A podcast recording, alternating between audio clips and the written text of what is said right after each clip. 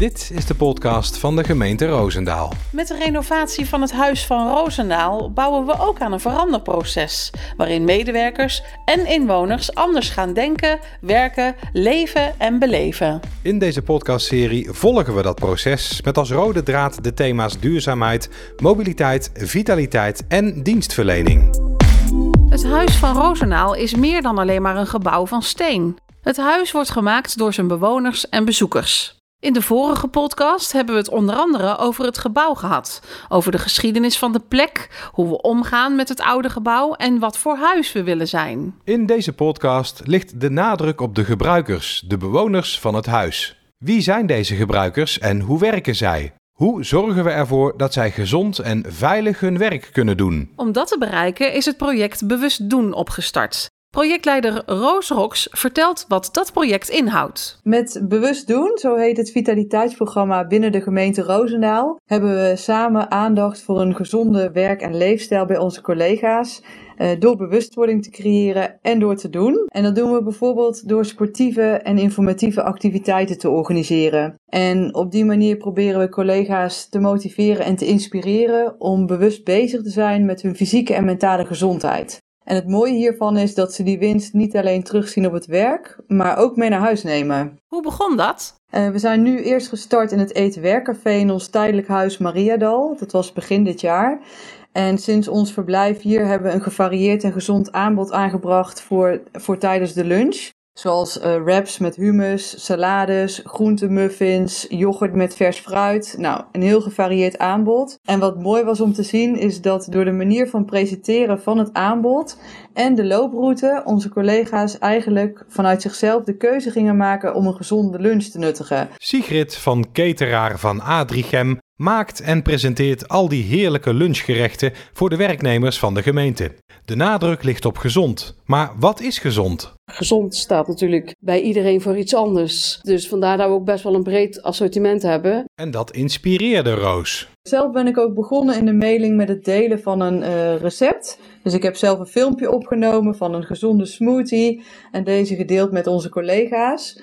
Uh, vervolgens is hier eigenlijk uh, heel leuk op gereageerd en hebben we een receptenforum opgezet.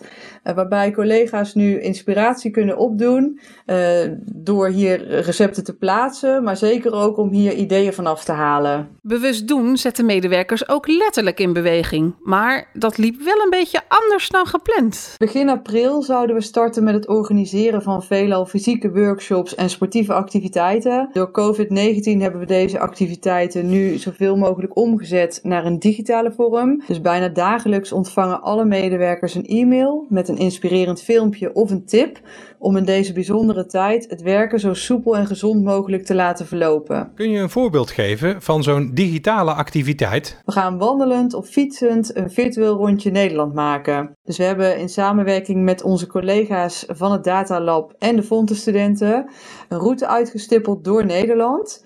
En in zes weken tijd loop of fiets je dan virtueel een rondje en kom je op hartstikke mooie plekken in ons land terecht. En de challenge die ga je dit keer aan met jezelf. En je loopt of fietst ook in je eigen tempo. Maar je kan ook je collega's volgen, dus op een routekaart.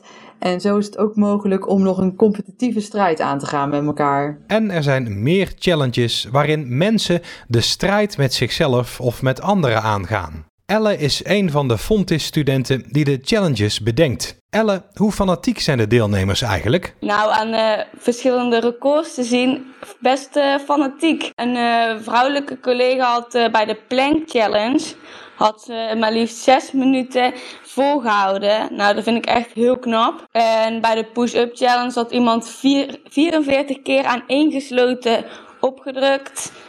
En um, zelfs bij de stappen challenge, waar we dus ook mee begonnen zijn, had iemand 81.000 stappen in een week gezet. Dus dat is echt super leuk om te zien. Caroline Bos is werkzaam bij de gemeente Roosendaal en geeft daarnaast ook yogales. Zij was bereid om haar lessen op te nemen in de kloostertuin van Mariadal en op die manier bij te dragen aan het project Bewust Doen. Wat vinden jouw collega's van deze lessen? De reacties die ik kreeg waren onverdeeld positief. En er waren zelfs ook mensen die zeiden van wanneer komt er weer een filmpje of ik ga een filmpje nog een keertje doen. En wat brengt het de deelnemers? In ieder geval wat meer focus en dat je uiteindelijk ook anders met een spannende situatie of met een stresssituatie om kunt gaan. Dat is het effect van yoga. Roos deelt de toekomstplannen voor het project. Ja, straks natuurlijk een uh, nieuw duurzaam huis van Roosendaal. Uh, de succesvolle activiteiten die we nu al organiseren, die gaan we hier ook weer terugbrengen. Wellicht in een andere vorm, om het ook enigszins vernieuwend te houden.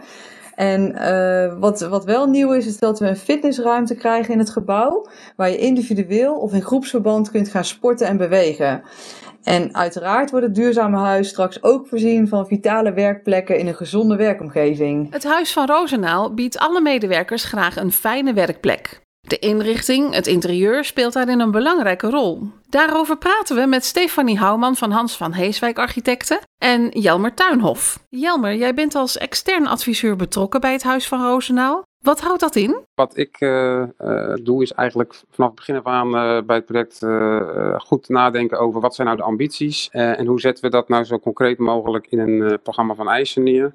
samen met opdrachtgever, maar ook met gebruikers nadenken over functionaliteit, uitstraling, maar ook bijvoorbeeld over belangrijke thema's zoals duurzaamheid en gezondheid in een kantooromgeving. en ook gastvrijheid is aan bod gekomen, omdat het natuurlijk ook een publieksgebouw is. En eigenlijk zijn we van abstracte thema's naar een vrij concreet programma van eisen gegaan. En, en nu we een uh, ontwerp hebben, zijn we dat vooral aan het toetsen en ook weer aan het bijstellen als het nodig is. Voor het gebruik hebben we vooral gekeken naar uh, gastvrijheid voor uh, inwoners. Hoe kunnen we die optimaal de dienstverlening faciliteren. En, en, voor medewerkers een comfortabele en functionele omgeving. Dus denk dan vooral aan het binnenklimaat, akoestiek.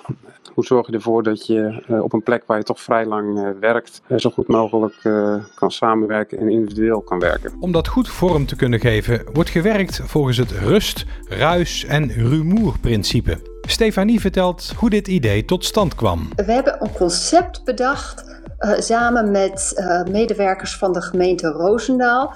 Uh, dat wij rust, ruis en rumoer genoemd hebben. En wij maken dus verschillende werkplekken en verschillende zones binnen een verdieping, waar je dus rustig kunt werken, waar je kan werken met ja, een, een, minimum aan geluid, dat is dan ruis.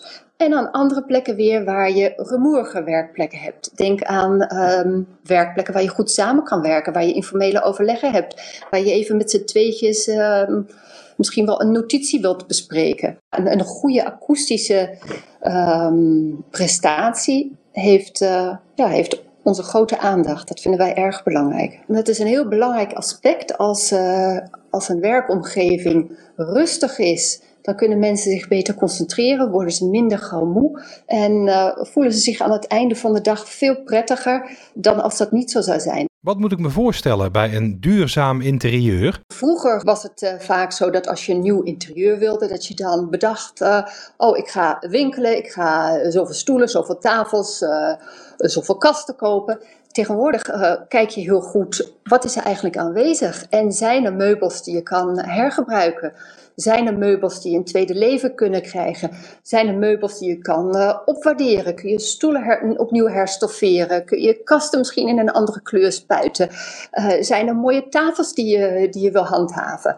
Dus op die manier kijken we ook naar uh, circulair bouwen bij een interieur. Zo gaan we bijvoorbeeld deurkozijnen die nu in het pand zitten, of die eigenlijk op dit moment juist eruit gesloopt worden, die gaan we hergebruiken en die gaan we een soort van fijn malen en dan als een vloerwerking gebruiken. Dus op die manier kijken we gewoon zijnig onderdelen die wij een tweede leven kunnen geven. Daar gaat grondig onderzoek aan vooraf. Voordat wij starten met een opdracht um, en voordat wij starten met ontwerpen, gaan we altijd eerst uh, op bezoek uh, op locatie.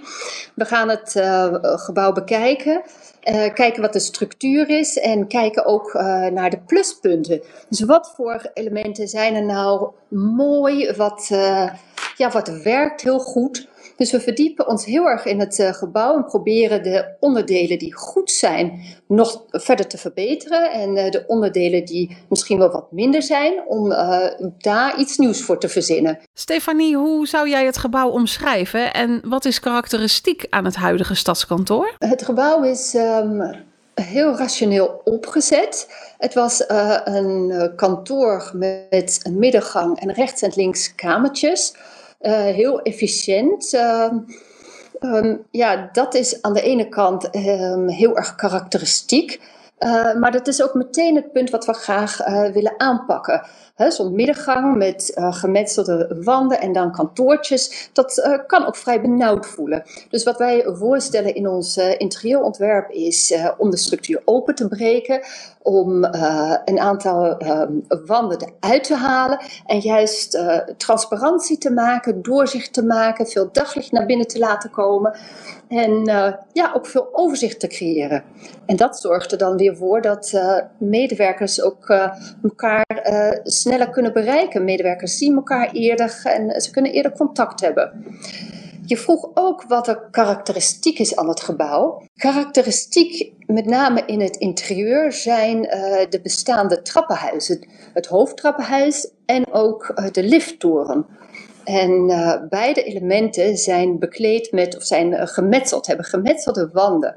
Um, ik denk voor iedereen die in het uh, gemeentehuis is geweest, die zal zeker de, de rode metselsteen herkennen, die dus gebruikt is bij de liftdoren en bij het trappenhuis. En ja, dit metselwerk willen we ook graag handhaven. Dus als je straks in de nieuwe centrale hal komt, kijk je tegen de lifttoren aan en zie je dus weer uh, ja, de gemetselde schil daarvan. En roept er toch een gevoel op van hoe het gebouw voorheen was, voor de renovatie. Ik denk juist dat oud en nieuw heel goed combineert en uh, dat dat op een eigentijdse manier kan. Mooie plannen, maar er zijn vast ook uitdagingen. Wat is volgens jou de grootste uitdaging, Jelmer? Uitdagend is met name, denk ik, uh, het bij elkaar brengen van uh, uh, ja, alle ambities en ontwikkelingen van de organisatie. Dus het is geen gebouw met een programma wat is vastgesteld, wat dan volgens een legreinig proces uh, wordt ontwikkeld. Maar op allerlei fronten lopen de sporen parallel. Hè? Dus uh, wat heel interessant is hier dat er uh, bijvoorbeeld niet alleen over de fysieke kant wordt nagedacht, maar ook een mobiliteitsplan ontwikkeld wordt. Hè? Dus wat betekent het, het thuiswerken en het, de mobiliteit van medewerkers straks ook naar, naar het nieuwe gebouw. Zeker in de tijd van uh, corona is dat ook natuurlijk heel actueel. Uh, maar daarnaast uh, is de organisatie ook in transitie om in, in groepen, zelfsturende groepen te werken. En dat betekent ook iets voor, voor de manier waarop je met elkaar samenwerkt en faciliteiten gebruikt. Dus naast de fysieke kant kijken we ook heel erg naar alle aspecten rondom het werken en dienstverlenen aan de inwoners van Roosendaal. En die sporen proberen zo goed mogelijk op elkaar af te stemmen. Dat is eigenlijk de grootste uitdaging wel. Het huis staat niet op zichzelf. Het maakt onderdeel uit van een groter geheel. Zo is het huis een van de vier grote projecten in de gebiedsontwikkeling Groot Mariadal. Daarover in een volgende podcast meer, maar ook direct grenzend aan het huis zijn er buitenruimten die mee ontwikkeld worden. Zo is er de Rozentuin, op de plek waar voorheen de entree van het stadskantoor lag. Ook hier staat circulariteit centraal. Tuinarchitect Donald Marskamp vertelt aan de hand van een voorbeeld hoe onderdelen van het oude stadskantoor hergebruikt worden in de tuin. De bruine profielen die nu aan het gebouw vastzitten, die dus zeg maar lamellen en die, uh, die gaan we ombouwen tot kleine lampjes. En daarmee uh, uh, krijgt het nieuw leven. En kan het zo weer uh, 50 jaar mee. Vanuit de historie kennen we twee verhalen die het ontstaan van Rozenaal vertellen. Welk verhaal gebruikte jij als uitgangspunt voor het tuinontwerp? We hebben besloten om het gevecht van de betekenis van Roosendaal niet aan te gaan, maar eigenlijk die twee betekenissen te omarmen en die mee te nemen in het ontwerp. een dal der rozen en rietdal. Dus wij gaan een rozentuin 2.0 maken. Gecombineerd eigenlijk met, met grassen die verwijzen naar het riet. Die bekende entree die elke inwoner van de gemeente Roosendaal goed kent, ondergaat een metamorfose. Als je door het stadskantoor bent gelopen en je gaat de binnentuin in, voelt het door het grind ineens alsof je uh, tot rust kan komen, ineens op een andere plek bent.